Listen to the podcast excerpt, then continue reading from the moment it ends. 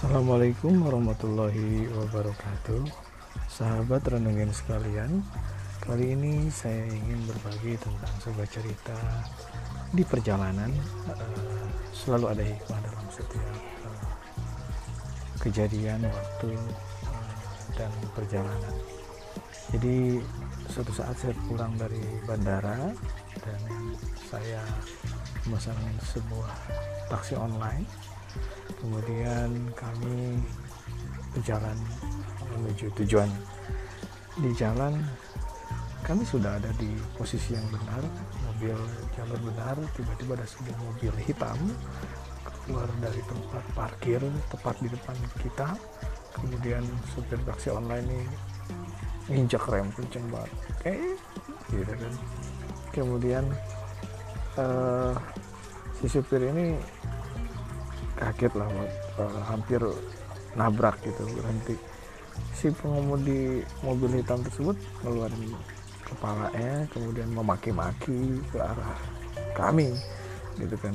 Tapi anehnya supir taksi itu hanya tersenyum dan melambai pada orang tersebut. Padahal logikanya kita udah di jalur yang benar dia tiba-tiba keluar uh, atau muncul dari jalur yang salah itu ke arah kami uh, saya sendiri dongkol marah kesel. Aduh pak kenapa nggak dimarahin aja tuh gini.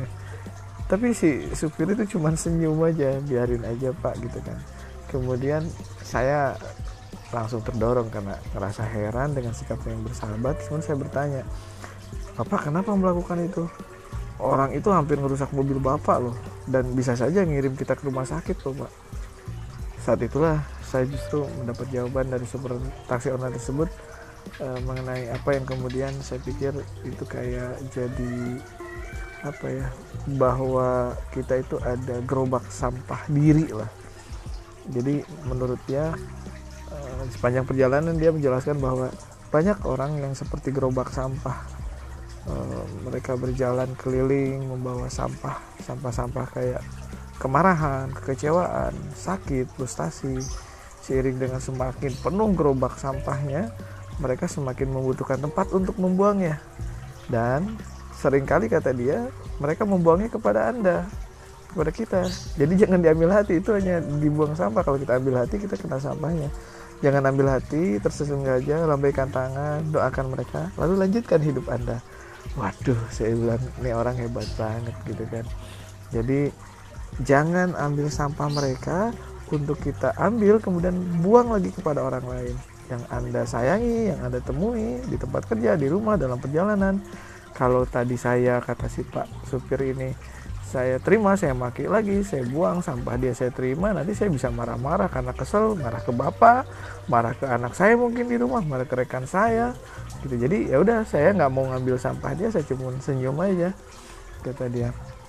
Jadi intinya menurut dia orang yang sukses itu adalah orang yang tidak membiarkan gerobak sampah mengambil alih hari-hari mereka dengan merusak suasana hati. Hidup ini terlalu singkat untuk disesali, untuk dirusak dengan sebuah hal yang tidak baik. Hidup ini terlalu singkat untuk kita menjadi terbangun di pagi hari dengan banyak kekecewaan, banyak masalah. Maka sayangi dan kasihlah orang yang memperlakukan Anda dengan baik, dengan benar, dan berdoalah bagi mereka yang tidak memperlakukan Anda dengan baik. Karena hidup itu 10% mengenai apa yang kau buat dengannya dan 90% tentang bagaimana kamu menghadapinya.